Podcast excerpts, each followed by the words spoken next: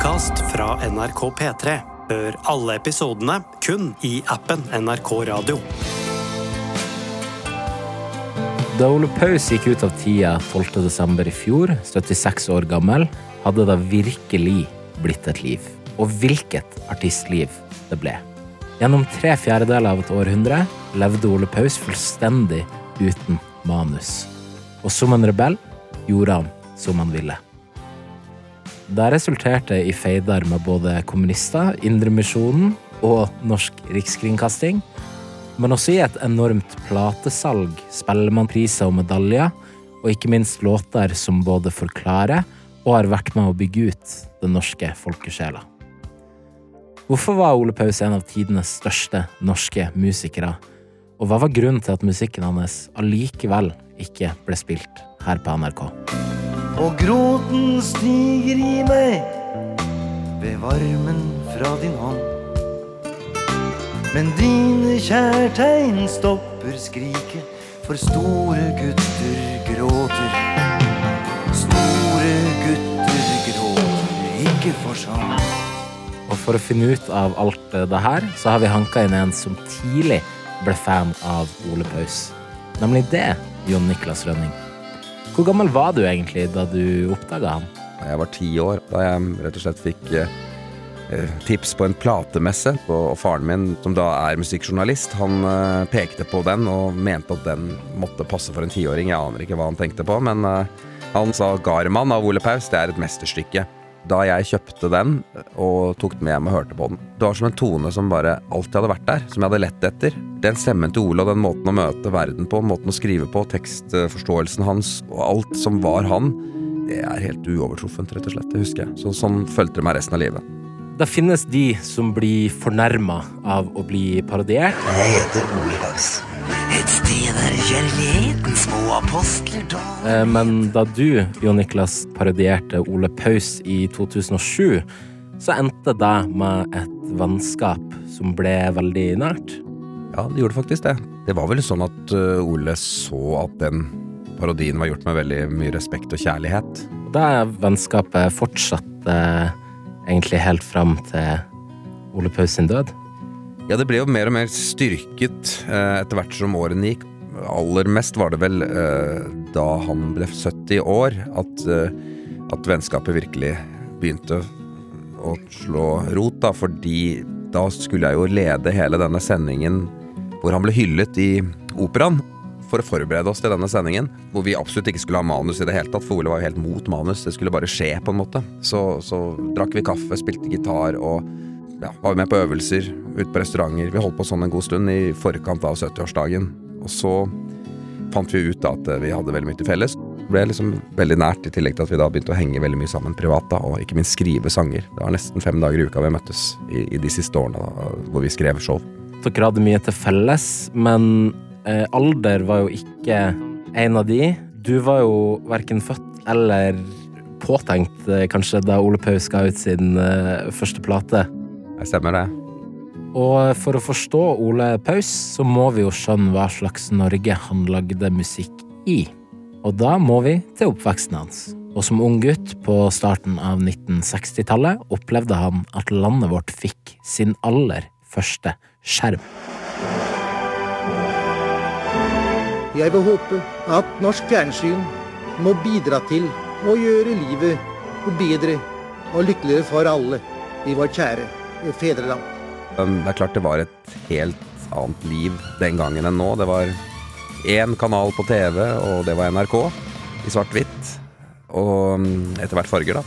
Og så var det jo radiostasjon, og man måtte kjøpe fysiske plater, og det var jo sånn såkalt fasttelefon. Det var ikke alle som hadde telefon engang. Det var rett og slett et land som var mye gråere og mer strømlinjeformet. Og det var Einar Gerhardsen som var den store statslederen som hadde da styrt landet etter krigen. Som var en landsfader. Og, så ting var veldig oversiktlig og veldig normalt og si ganske ja, konformt på en måte da. Og Ole Paus han var jo veldig tidlig en som stakk seg litt ut da. Og søkte å stå på utsiden av det meste, og det gjorde han jo resten av livet. Men hvilken bakgrunn hadde Ole Paus og hans familie? Ole var jo egentlig fra kanskje den nest eldste familien, tror jeg, i Norge. Altså, det var um, masse pauser rundt omkring. Han hadde jo en sterk militærfamilie, da, hvor, um, hvor røttene gikk langt tilbake. Og han har i tillegg da til og med et slektskap til den store dramatikeren Henrik Ibsen. Og bestefaren på farssiden, han var jo generalkonsul i um, Wien. Og det er jo en, det er jo en arv som det kanskje knyttes en del forventninger til da, for en ung Ole Paus. Men han er litt opprørersk. Han var jo klart en rebell.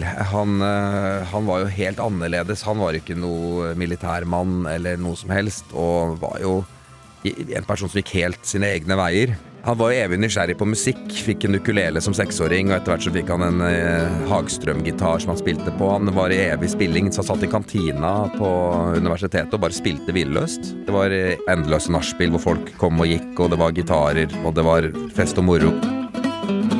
Han, eh, han levde som en bohem, da, og helt annerledes enn foreldrene resten av vårt show er det litt vanskelig å si, for denne delen av programmet vårt den sørger de for. Og entreen hit er rimelig, den tar vi etter hvert.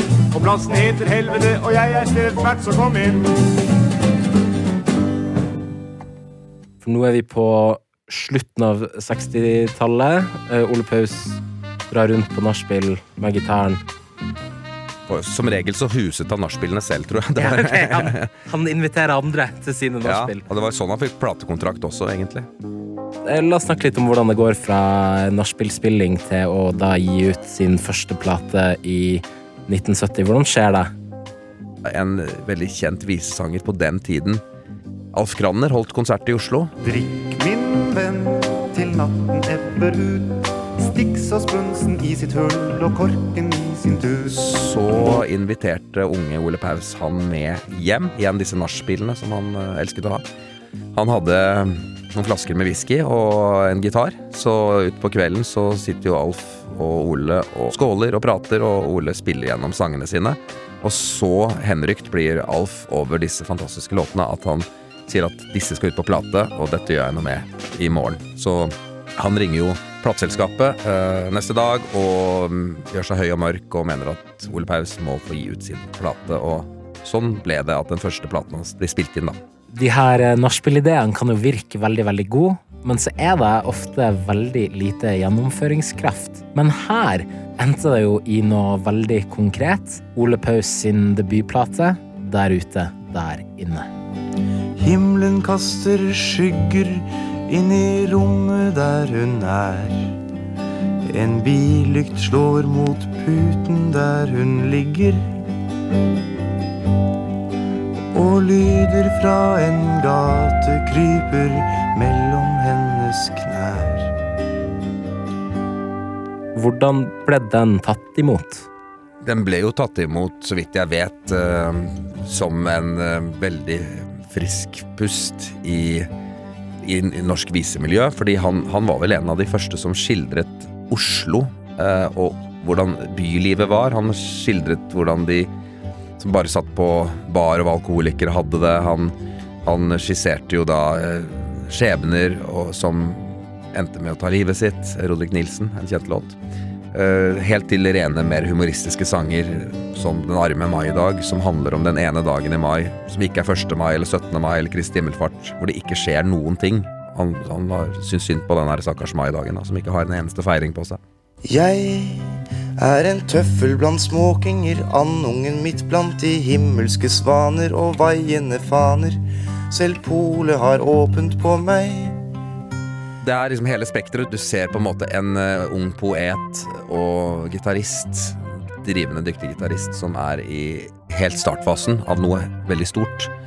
Og det skjedde jo etter at denne platen kom ut, at um, en annen, veldig etter hvert kjent både forfatter, musiker, komponist og kulturpersonlighet, Kjetil Bjørnstad, uh, banker på døra. Han er yngre enn Ole, og banket da på døra der hvor Ole bodde i den perioden, og sa at du er et geni, Ole Paus. Og han får også litt innpass i den øvrige kultureliten etter det her albumet. Ja, altså aller mest tror jeg også fordi han treffer da sin første store kjærlighet, skuespilleren Henny Moan. Jeg skulle ha drept det barnet før jeg reiste fra det. Knuste. Knuste til støv. Og Henny Moan hadde jo da et barn fra før med dikteren André Bjerke, som har skrevet masse flotte vers, ikke minst barnevers, som man, man kan og lære på skolen osv. Eh, så Bjerke ble en del av kretsen. Eh, Jens Bjørneboe var også en del av den samme kretsen. Stjele, myrde, brenne, hore, voldta, plundre og bedra. Kan de fatte og begripe hvor de har sin råskap fra? Og, og han var jo en, en mørk eh, sterk personlighet som, eh, som var eh, veldig viktig for Ole. Eh, og ut fra det så var det en stor krets av mennesker, annet da via Alf Kranner, visesangeren, så traff han Alf Prøysen. Og de, de var veldig viktige for hverandre, tror jeg. Du skal få en dag i morgen som rein og ubrukt står, med blanke ark og fargestifter til. Og der kan du rette opp at alle feil ifrå i går, da får du det så godt i morgen kveld. Men Alf hadde også noen innvendinger på hvordan tekstene skulle være, og si du må endre den setningen og den setningen, men det, det gjorde ikke Ole Paus, for han var jo fra tidlig av veldig tydelig på hva han mente at var hans signatur, og hva han ville si. Ja, selv når Alf Prøysen Selv når Alf Prøysen sier det. Ja, det er rett og slett det. Ja.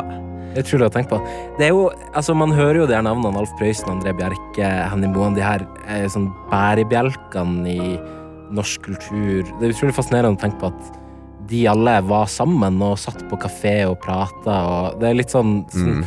TV-produsenter i dag som hadde klødd seg i hendene for å lage en reality-serie eller et eller annet. Ja, og ikke bare det. Han, dette strakk seg utenfor Norge også. Eh, han fortalte jo veldig mye om eh, Cornelis Vresvik, som er jo en eh, Mm. berømt svensk visesanger, kanskje den største de har. Mm.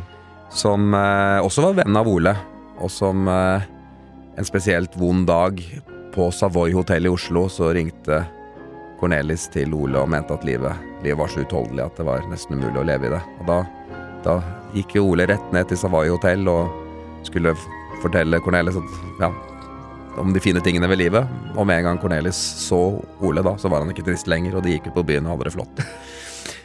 Det høres ut som det er utrolig mye liv som blir levd i eh, de årene der. Men hvis vi går tilbake til musikken, da. Hva, hva er særpreget Ole Paus når vi hører ham for første gang? Ja, det, det er jo at han har et, uh, han har et språk som er helt øh, uslåelig. Altså, jeg kan ikke tenke meg noen bedre tekstforfatter enn han, og det hørte vi med en gang. Han hadde en helt spesiell evne å formulere ting på. Eh, og så bruker han jo mer eller mindre gudbenåda talentet sitt for språk og ord til å skrive og synge om ofte folk som var litt utafor i samfunnet, og som kanskje ikke hadde vært så mye i fokus i norsk populærmusikk fram til da. Helt riktig mye psykisk sykdom og alkoholisme og alt dette her. Altså, han, han var jo han var jo veldig opptatt av det han fikk høre som barn, at hvis uh, noen er svake, så skal du gi dem en verden hvor de er sterke nok. Mm. Altså En tekst som er, er veldig sterk i så måte, er jo 'Merkelig Mira'.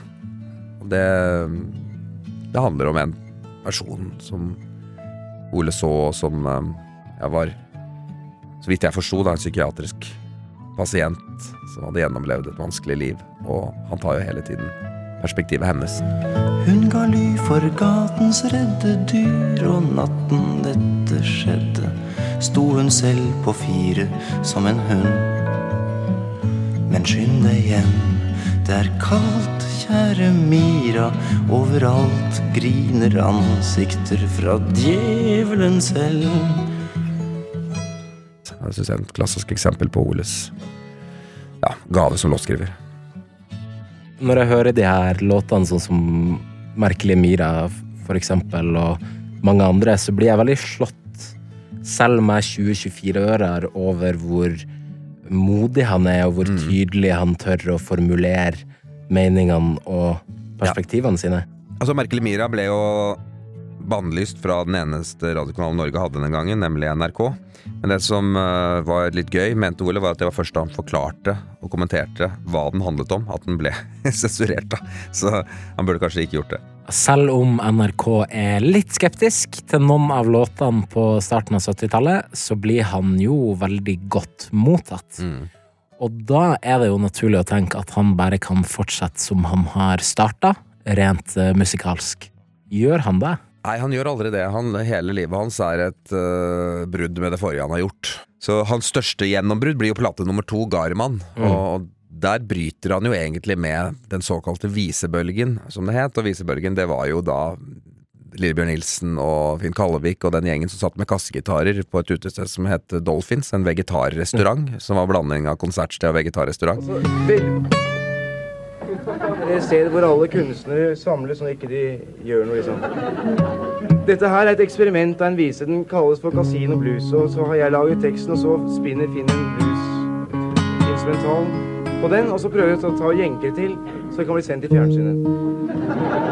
Han var den første som meldte seg inn der eh, som visesanger, og nesten startet hele bølgen, men med en gang det begynte å bli populært, så var han den første som meldte seg ut. Så, så han gjorde noe helt annet på plate nummer to, Garman. Da tok han med seg det som var det største rockebandet på den tiden, som hadde varmet opp på Rolling Stones. Pussycats het de, fra Tromsø.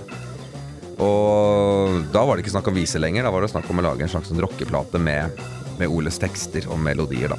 Og de eh, spilte seg fra Nord-Norge ned til platestudio, fordi plateselskapet eh, hadde ikke råd til togbilletter eller noen ting til Nei. musikerne. Så for at de skal, skulle klare å komme seg til innspillingen, så måtte de da spille for døra ulike stoppesteder ned til Norges hovedstad Oslo. Og når de da kom dit, så, så sto Ole klar og studioklart, og det ble den kanskje mest legendariske plata han lagde, og en av de største i norsk historie.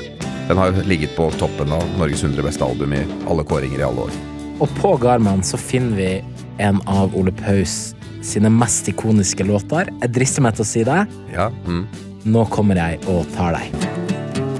Se, jeg er full av søt musikk, og mitt grønne blikk er tent for deg, spent for deg. Nå kommer jeg og tar deg!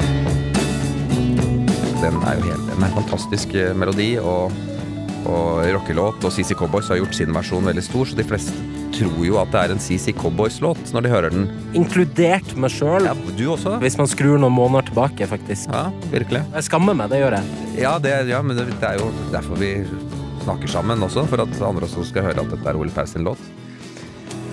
Han, øh, han skriver jo der veldig, veldig fengende melodi, og også en tekstlinje som jeg prøver å liksom tenke at den, den sier noe om Ole. For det slutter med Du hører meg si at jeg elsker deg mens jeg går min vei og er fri.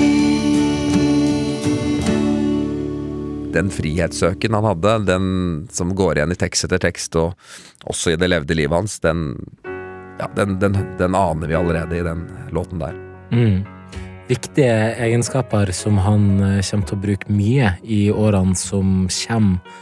Hva slags posisjon i norsk musikkliv får han utover 1970-tallet?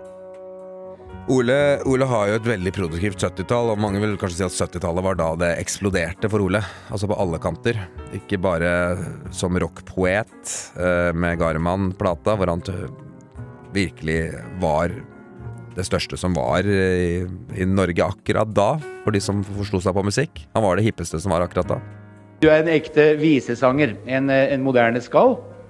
Og det skal du ha din hyllest for fra Kari Disen, som kommer her med din pris. Spellemannprisen. Også foran Spellemannprisen for plata I anstendighetens navn. Ja, det eneste jeg vet, er Carl Gerhards definisjon av en gentleman. At det er eh, en som kan spille gitar, men som lar det være. Eh, Du har altså ikke kunnet la det være. Eh, Men du har eh, et sånt blandet forhold til, til vise, har jeg lagt merke til ved en del offentlige uttalelser. Nei, jeg, du, jeg, jeg- vet ikke helt hva en vise er, jeg. Og jeg syns det har blitt veldig mye mm, hysteri omkring dette med viser. hva skal man si? Jo, viser er glimrende, altså. Men ikke så forferdelig glimrende. Men da midt oppi dette her så begynte han å bli lei av å være den poetiske fyren. Han sa liksom da det var mye poesi og dype tekster. Og, Men da, da begynte han å tenke han, var litt, han ville gjøre noe annet. Så han begynte å lese da overskrifter, og det var akkurat sånne overskrifter som det er nå. Hvis du sjekker nettaviser nå, så er det jo veldig sånne clickbate-saker hele tiden. Uh, som er veldig spissformulerte og har veldig, er veldig saklige, da, kan du si. da. Og det er ikke noe nytt. Sånn var det på 70-tallet også. Ja, det begynte som en ren fleip. Altså, vi, det begynte med at jeg syntes det var veldig morsomt.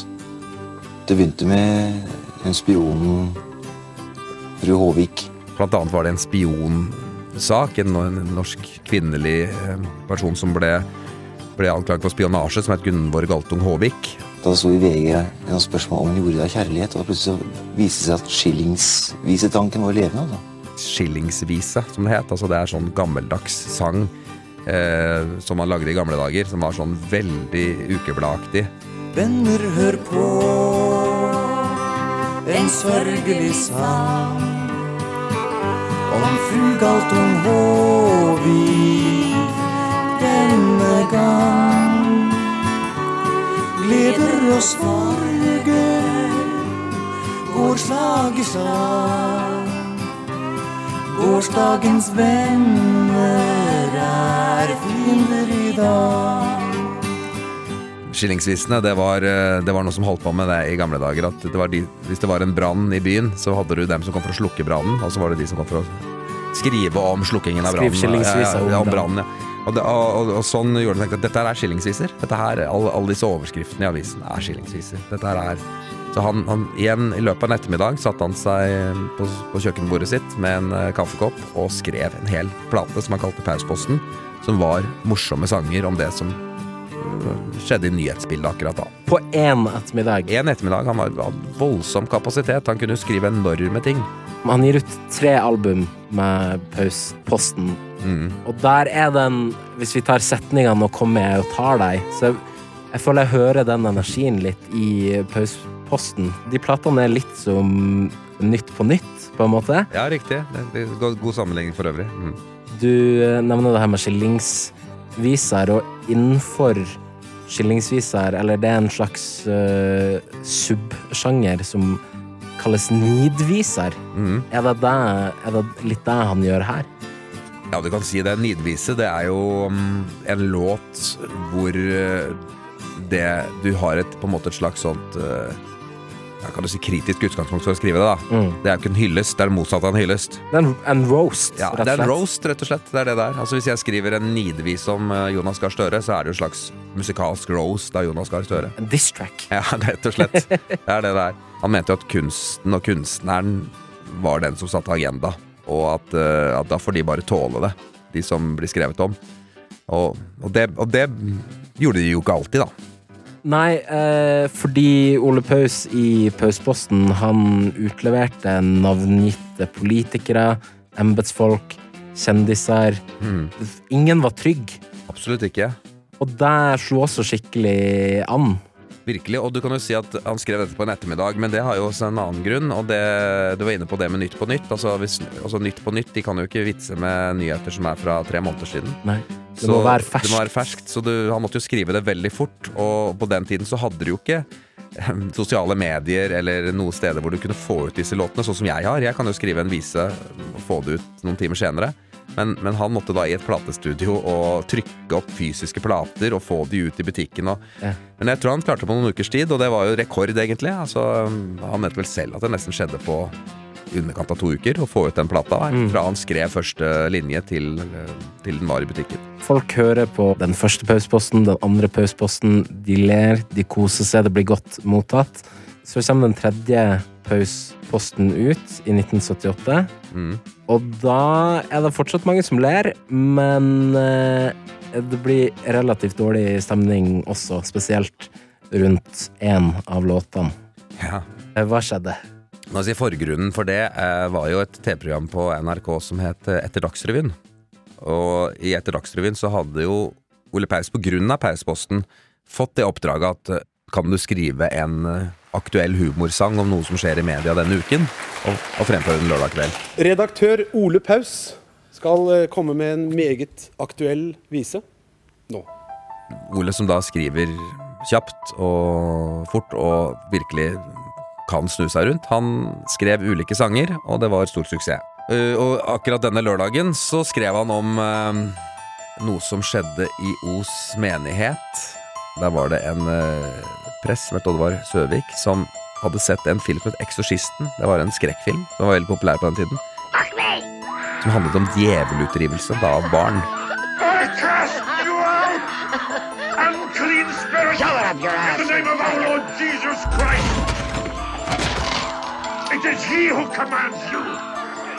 Søvik fikk det for seg at han også skulle drive med såkalt djevelutdrivelse, eksorsisme, oppe i Os menighet der. Og dette mente jo Ole var definitivt vært en låt, og det har han jo helt rett i. Eh, og lagde da låten 'Satan lever'. Mørkets fyrste holder hus ved Bergen. I Os ved Bergen by er Satan gjest. Der bor han og har det godt i utsøkt selskap, så vidt jeg har forstått, og driver PR for en ungdomsprest. Lang, lang Satan lever, redd seg den som kan. Det er en ny giv i kirkens liv, for Satan er smittsom han. Oddvar Søvik er der. Søvik holder ut. Du kan velge selv dine redsler mellom Satans natt eller Søviks Gud. Altså, Jon Niklas, i dag med 2024-ører så høres jo ikke det her så veldig farlig ut. Men hvordan ble denne låta tatt imot den gang, i 1978? Så man må huske at Norge nå fremstår ikke som et veldig kristent land, hvor tro er så viktig, men det var det definitivt da, i 78. Det var, det var et land hvor folk gjerne gikk i kirken på søndager, og man oppfattet seg um, i større grad som troende rundt omkring. Og kongefamilien, det var jo lenge før sjamaner og det ene og det andre, det var kongefamilien, de var hellige, og kirken var hellig. Og til en viss grad også en del politikere. Um, Så, så, det, så det er klart at når du kommer og rokker ved det, det er som å gjøre narr av det aller helligste, det som folk sier at det tuller du i hvert fall ikke med. Nei, En så viktig identitetsmarkør hos det, veldig mange. Og jeg tror kanskje til og med at det bare er et ord som Satan lever. At han kunne dra inn djevelen i en sang om den norske kirke osv. osv. Alt dette her sammenlagt ble til en vanvittig klagestorm som eh, jeg ikke tror NRK har sett maken til verken før eller siden. Det er det mest oppsiktsvekkende Ole Paus noen gang har gjort i sin karriere. 40 000 underskrifter har jeg latt meg fortelle ble samlet inn på én kveld, en natt, etter at Satan lever ble framført i TV. NRK fikk veldig mange klager, men eh, Ole Paus fikk vel også sin andel nattlige telefoner og hatbrev. Flere tonn med hatbrev til NRK. Altså det, og det var snakk om tonn med hatbrev. Det er så mye papir, det. Det er så mye papir. Tenk for mye regnskog som må til for å lage to og et halvt eller to tonn med papir. Rett og slett Det sto sekker klar til han med hatbrev fra mennesker over hele Norge som mente at eh, for det første, hvordan kunne NRK sende noe sånn blasfemisk innhold på en lørdagskveld? Men, men også da at det burde bli sensurert, og at Ole Paus også burde bli sensurert. Jeg visste nok ikke helt hva jeg ga meg i kast med. Jeg ante jo ingenting om dette. her, At det skulle bli noe rabalderade. Mm. Jeg syntes nærmest at sangen var litt tam. Men eh, Så da faren min ringte til meg, han sette meg den på Dagsrevyen og spurte hva jeg hadde gjort. Ja, da skjønte jeg ingenting, men så, så begynte telefonen å ringe om netten, og de leste dødemesser for meg, alle de elskverdige frelste fra Vestlandet. Og da fikk jeg et glimt inn i de norske avdalers tragedie, som jeg er veldig takknemlig for å ha sett. Jeg syns kanskje at reaksjonene var litt feiladressert. At de gikk mot meg i stedet for mot demonutdrivelsen. Og det er jo ganske sterkt, for jeg jeg er medlem av Den norske kirke, og jeg syns det er ganske sterkt å tilhøre en kirke som lar dette passere ja, slik som tilfellet var der borte i Os den gangen. Det er ikke bare altså kristne menigmenn over det ganske land som setter lørdagslapskausen i halsen når de hører denne låta på etter Dagsrevyen. Eh, Det er også noen politikere som reagerer ganske heftig. Ja, jeg vet jo at eh, Kjell Magne Bondevik, som eh, senere ble statsminister i Norge, men akkurat da var politiker, han reagerte veldig sterkt og gikk ut i intervjuer og mente at NRK burde holde seg for gode for dette og, og harselere med navngitte personer, som han var veldig opptatt av, for han mente jo at han, og det var Søvik som var prest, at dette var veldig hardt for han å, å gjennomgå, da. Jeg er personlig begeistra for god underholdning og god satire, men etter mitt syn så var dette forsøket totalt mislykka i så måte. Først og fremst fordi at eh, enkeltpersoner og eh, organisasjoner ble hengt ut på en helt utilbørlig måte. Og eh, særlig også den bruken av eh, satannavn og den sammenstilling som skjedde i visa, synes vi helt, gikk helt utilbørlig ut over disse personene. Bondevik mente jo dette var såpass alvorlig at han tok det opp i Stortinget, på talerstolen der, og det ble jo radiointervju rundt dette her, hvor Bondevik var veldig sår og lei seg og syntes dette var uhørt. Og, og, og det er som å vifte et rødt flagg foran ansiktet til Ole Paus. Ja, for han, da, det ga han ikke lyst til å gi seg. Det var vel snarere tvert imot. Det er så å, å be om at, at dette her må få et svar en eller annen gang, musikalsk sett. Og det gjorde det også. Ole var jo med uken etter da, Satan lever-bråket, eh, i samme program etter Dagsrevyen, og hadde laget en sang om dette bråket som het Kronikk. Han synger selv om en mengde frelste sjeler ber om sensur. Eh, og det var det siste han gjorde på en stund i NRK, faktisk. ja. Men han, han eh, fikk anledning da til å komme og, og, og synge, om, synge om hele den bruduljen. Den sangen trekker han tråder til Ibsen. Snakker om Ibsen som er, i himmelen. Og Ibsen spiller på harpe av lutter glede fordi han døde 30 år før de stiftet Kristelig Folkeparti. Klassisk Ole-svar. Uka etter. Ja, uka etter det bråket, ikke sant. Helt i hans ånd og tro, hele dette her, at, at satiren kommer først. Men det som var interessant med Ole, at han hadde den teorien hele tiden, og det sa han til meg òg. hvis du legger en melodi til noe sånt som, som dette her, som et innlegg om djevelutdrivelse i Norske kirke, som er ukesaktuelt, så i teorien så blir det, bør det være litt mer uangripelig, fordi med en melodi så blir det litt mer sånn lystig på en måte. Ja, At det blir litt mildere. Ja, det blir mildere, det blir kunstnerisk innhold. Det, det er ikke en kronikk, det er ikke en debattartikkel. Nei, det er ikke en tale. Nei, det er ikke det. Det er ikke et politisk innlegg. Det er, en- det er en Stykke kunst. Ja, akkurat. Og det er jo triks. Men selv om Ole Paus pakker sin kritikk av kirka inn i en sang, så møter han motstand fra de som kringkaster den. Hvordan reagerte NRK på all denne bruduljen? Eh, Det var begge deler. Altså, dette, jeg pratet masse med Ole om dette her, og han, han fikk jo mye støtte, men så fikk han også en del intern motbør, da. I NRK? Ja.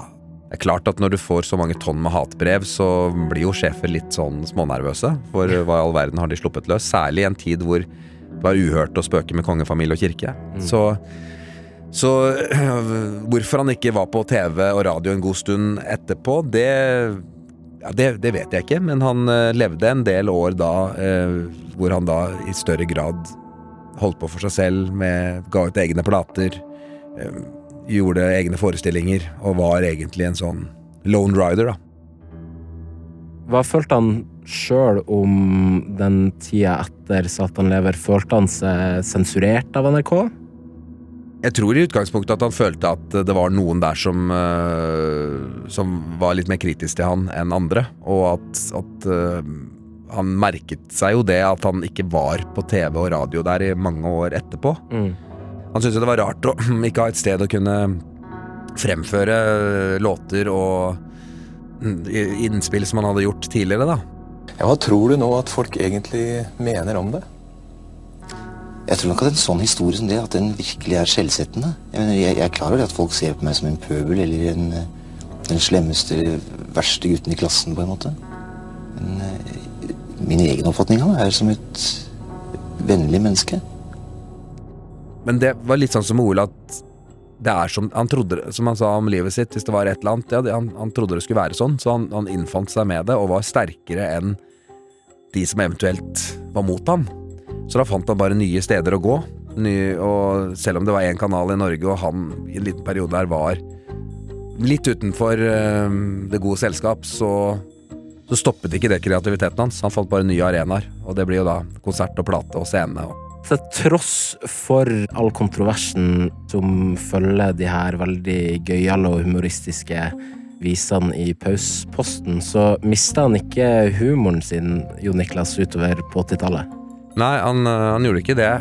Grunnen til at han liksom sluttet å, å skrive sånne ukesaktuelle plater etter hvert, var jo det at han Han syntes det var kjedelig. At, Mm. at det ble for forutsigbart. Altså, og at den første plata var jo tross alt morsomst, mente han. Og så ble det på en ble måte det kjedeligere og Ja, det ble, det, ble kopier av de forrige, og da, Ja, da, da gikk han videre. Uh, i, men humoren var alltid med. Han begynte å lage fryktelig mange uh, reklamekassetter og sånt nå, faktisk. Uh, så skrev han jo en låt som het 'Mersen og Porschen' til en kampanje mot promillekjøring for Edruskapsdirektoratet. Det er der den, det er der den stammer Ja, fra. det, det er akkurat det. Han var veldig inspirert på den låten, for han, han bodde jo da på Røa. Og på den tiden så var det ikke så vanlig i Norge å ha Mercedes-Benz og Porscher og sånne flotte biler. Så, så det, men det så han mye av da på Oslos beste vestkant. Og han var et utskudd der også, selv om han selv kjørte rundt i Jaguar på den tiden. Så, så, så han la merke til måten de pratet på. De snakket veldig veldig sånn litt bak i ganen og litt sånn Omfra ovenfra og ned. Hun kan ikke kjøre Porschen uten å krasje. Nei, tusjen, sa jeg, jeg tar Mersen. Ja, men Larsen, sa tusjen, du er børsten. Pøblikk i børsten har litt sjampis mot tørsten. Tusjen, som er hekta på fersen, kaller dashbordet i Mersen for dashen. Jeg satte meg inn og smasha inn reversen, men så ble det kontroll, fytte fersen. Ja, jeg synes et godt eksempel på Oles lek med ord. Blanding av det og hans syn på, på de som hadde det veldig godt da, rundt der han bodde. Og så er det også veldig talende for hans uh, musikalske integritet, syns jo jeg, da, at han skal lage en reklamelåt for hva var det, Norsk Edruskapsdirektorat. Ja, ja. Denne sangen er jo nesten som et stykke standup i musikkform. At han har gjort en observasjon, og så forteller han om den humoristisk, og så er den tilfeldigvis tonesatt. Ja, og han var jo en kløpper på det. Han hentet jo inn løst og fast fra andre prosjekter, som da fikk ny betydning i plater han lagde senere. Dette var vel en av de låtene som Ole ja, skrev i huet og hast, og som ble en som fulgte med han hele livet. Det er jo den dualiteten til Ole Paus, da. Humoren, mm. den er viktig, Ja. men også alvoret preger musikken hans. Begge deler. Og i 1994 så skrev Ole Paus en låt som skulle få enorm betydning en del år seinere. Mitt lille land, som opprinnelig var et stikk til EU-motstanderne. Ja, det var, det var, det var en uh, plate bestilt av uh, bevegelsen fra Nei til ja, altså de som hadde stemt nei til det som het EF, da, som nå er EU, i 1972. Og nå hadde endret mening i 1994 og heller stemte ja til EU. Ikke sant? Så det er- var en egen bølge der fra nei til ja. Og de ville jo ha en låt og en plate, og det, det ble det. Ole Paus lagde det, som het Mitt lille land. Mitt lille land fjell står plantet mellom hus og mennesker og ord. Og der stillhet og drømmer gror. Så det ble et eh, bestillingsverk fra eh, de som ville inn i da EF, altså det som skulle bli Den Mhm, europeiske union. Og så får den jo en helt annen og kanskje mye større betydning etter terroren 22. juli. Da blant andre Maria Mena spilte den inn for å trøste det norske folk.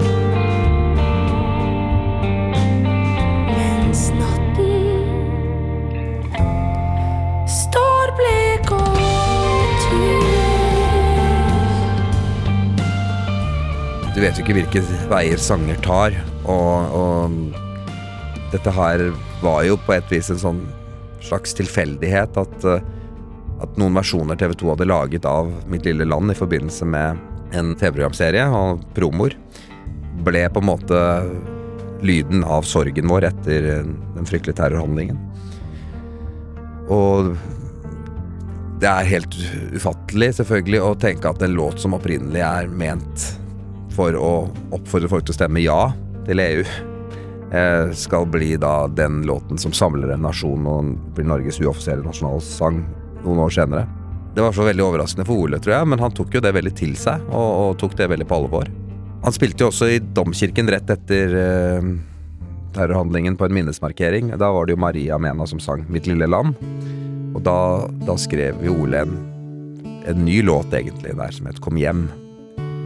Og den er også veldig, veldig sterk. Kom hjem, kom hjem, fra løgn og fra last, fra sorg og fra svik, og fra drømmer som brast. Du vil farnebarn, du vil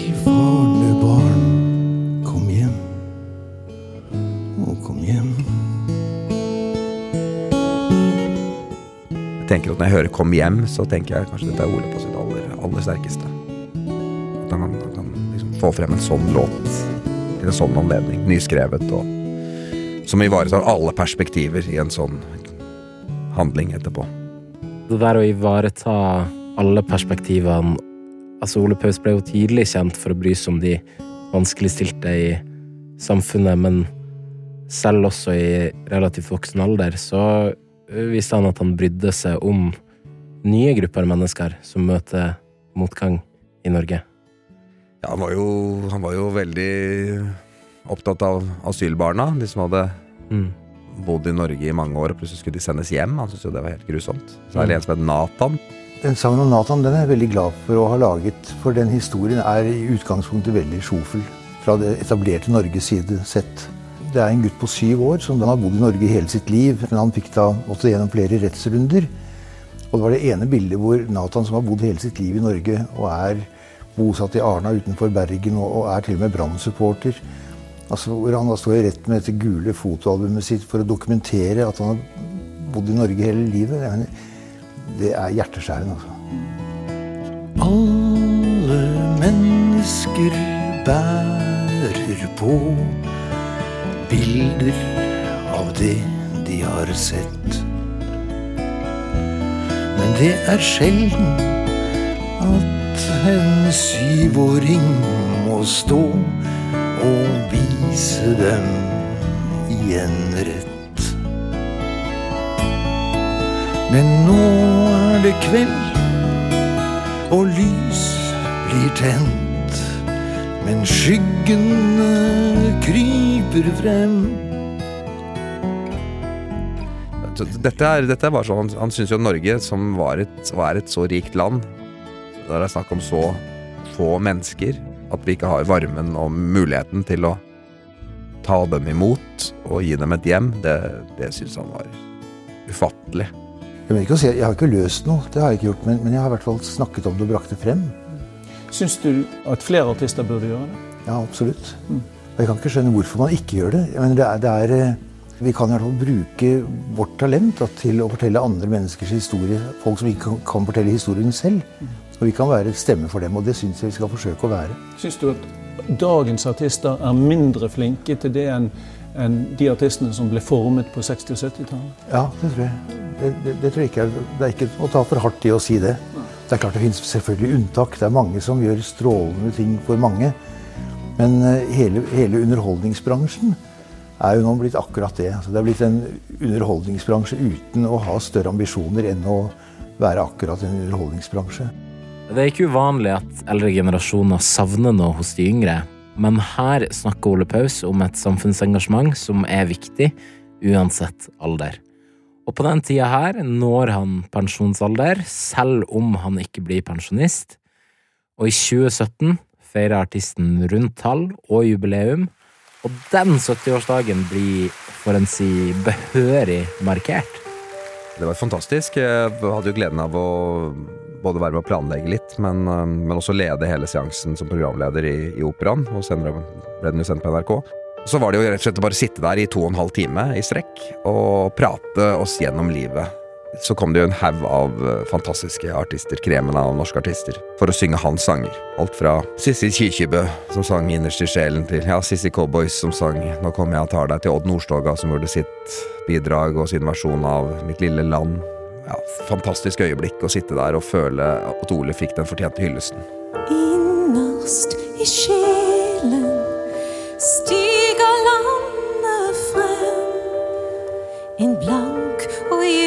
gyllen stripeland som en gang var mitt hjem.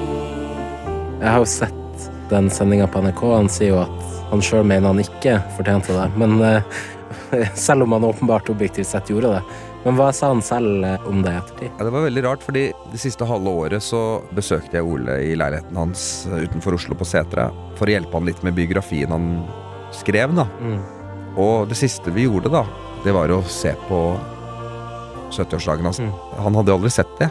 Så jeg tenkte at nå må du se det, og hvis han skal skrive om det, så er det sikkert fint at han husker noe av alt det fine som ble gjort for han, da.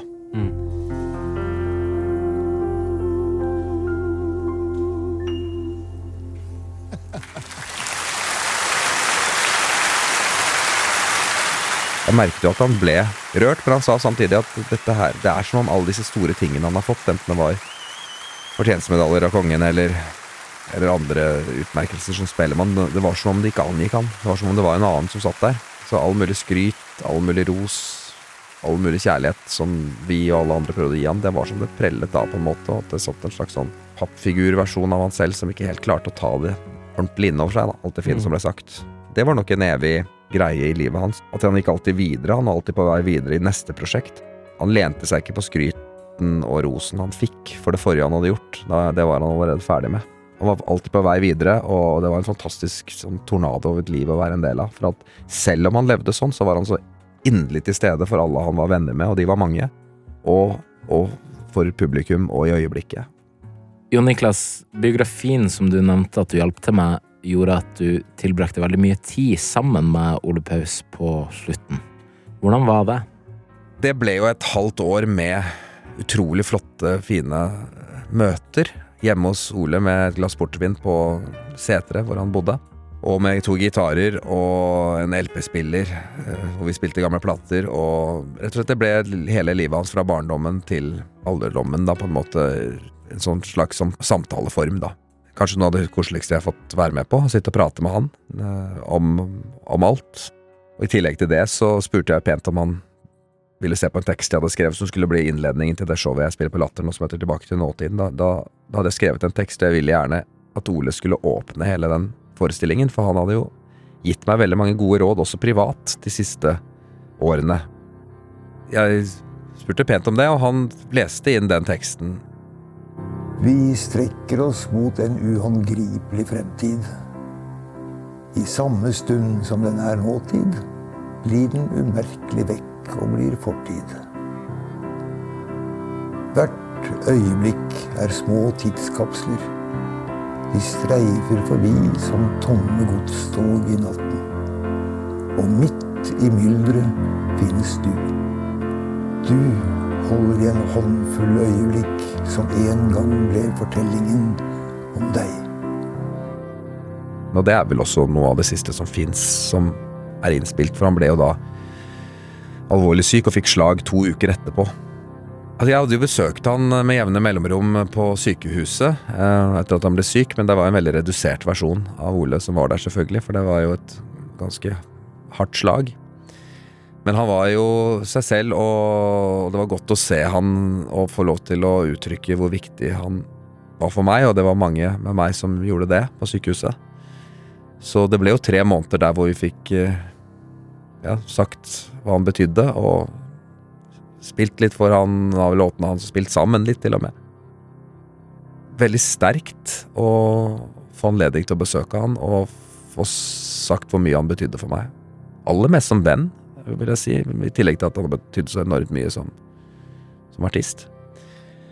Og familien var også såpass rause og gode at de også spurte om jeg ville ta farvel med han da vi skjønte hvilken vei det gikk.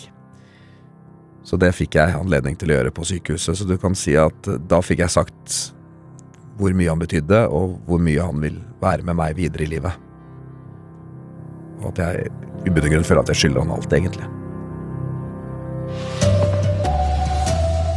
Her er NRK Dagsnytt, klokka er åtte. Artist, komponist og tekstforfatter Ole Paus er død, 76 år gammel. I høst ble det kjent at Ole Paus ble rammet av et hjerneslag 12.9, og han døde i natt, ifølge familien. 12. desember i fjor så dør Ole Paus.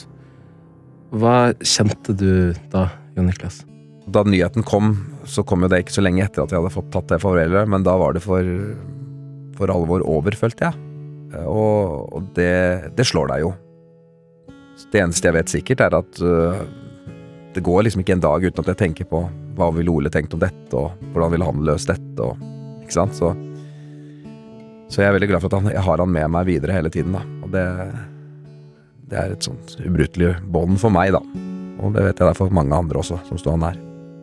Det er jo åpenbart at Ole Paus har betydd veldig mye for det, og for alle andre som sto han nær, og som var hans venner og hans familie, men det er jo også et, et helt land som der veldig mange har et eller annet forhold til Ole Paus. Hva tenker du vi i Norge mista da han gikk bort? Vi mistet jo kanskje den beste låtskriveren vi har hatt, vil jeg si. Mm.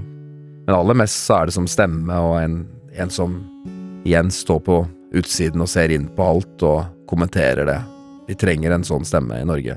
Vi var fryktelig heldige som hadde Ole Paus, det var ingen andre som han. Men er det noen man kan sammenligne han med? Så vanskelig å sammenligne Ole med noen som helst, jeg. For jeg, jeg syns at han var så breddfull. Altså, han hadde liksom Han hadde alvoret, han hadde humoren, han hadde musikaliteten, han hadde trådene inn i det litterære også, med hele det nettverket han eh, ble voksen i, med Bjørneboe og Prøysen og gjengen. Han kommer jo på en tid hvor viser og, og, og norsk tekst og samfunnsengasjement var i vinden. Mm. Så i dag så er jeg usikker på eh, hvis en tilsvarende person hadde kommet, hva slags musikalsk formspråk vedkommende ville valgt. Men eh, jeg tror mer, jeg tror mer at vi finner den type tekster nå i hiphop. Det samfunnsengasjementet og det å stille seg på utsiden og se inn på ting, det, det, det er mer et hjem der, tror jeg nå. Det er mer som en slags, uh, som en slags Karpe og den sjangeren de opererer i. De representerer vel den, den stemmen da, som Ole Paus representerte på 70-tallet. Den representerer nok mer Karpe i dag, ja. Mm. Karpe er jo personlig, om enn ikke privat, i sine tekster. Hvordan var Ole Paus der? De aller beste sangene hans, de er der hvor han er mest hudløs og, og viser mest av den han var. Og jeg tror kanskje det aller mest er synlig i en låt som Det begynner å bli et liv. Det begynner å ligne en bønn. Mm. Det snakket jeg med Ole om, og han var helt klar over at den er helt oppriktig. Altså, den er, jeg tror at den er enda mer oppriktig enn han kanskje var klar over selv. Altså. Mm. At hans livslange leting etter svar, og hans hjemløshet og, og jakt på svar på de store spørsmålene, og hvem han var, og hvor han skulle, og hva han ville, det, det er, den er Den er en låt som er større enn alt, egentlig. Jeg vil jo si at det kanskje er Ved siden av en fantastisk låt, så er jo den beste moderne salmen vi har. Det er en låt som jeg tenker den er uovertruffen. Hvis noen skal klare å skrive en bedre låt enn det i norgeshistorien, så er jeg imponert. Hvem venter på meg? Hvem viser vei? Hvem skal gjøre meg? Alt det jeg flyktet fra hjemsøker meg som en hjemlengsel i min sjel. Jeg ser hver tåre, hvert blikk, hvert smil, hver latter, stønn. Det begynner å bli et liv, dette her. Det begynner å ligne en bønn.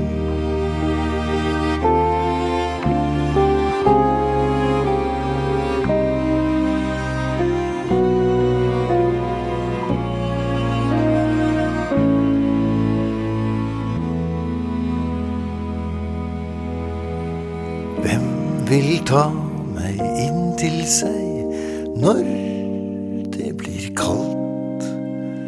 Hvem vil si du er av meg, jeg elsker din sjel gjennom alt. Hvem orker se meg som den jeg er,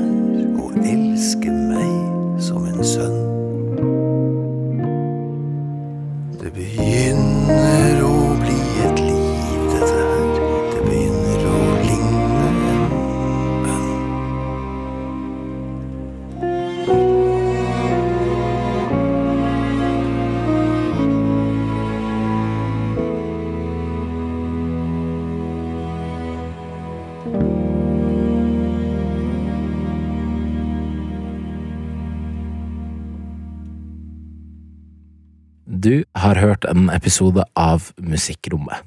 Hvis du likte den, så må du svært gjerne dele den med en eller flere venner som kanskje ikke har et forhold til Ole Paus ennå. Tusen takk til gjesten vår, Jon Niklas Rønning. Denne episoden er laga av Amund Grepperud, Anna Nord Sørensen, Andrine Gall Myklebust, Adiela Rukve, Abel Tesfaye, Glenn Solheim og meg, Jakob Naustdal. Redaksjonsleder er Janne Monsen Tveit.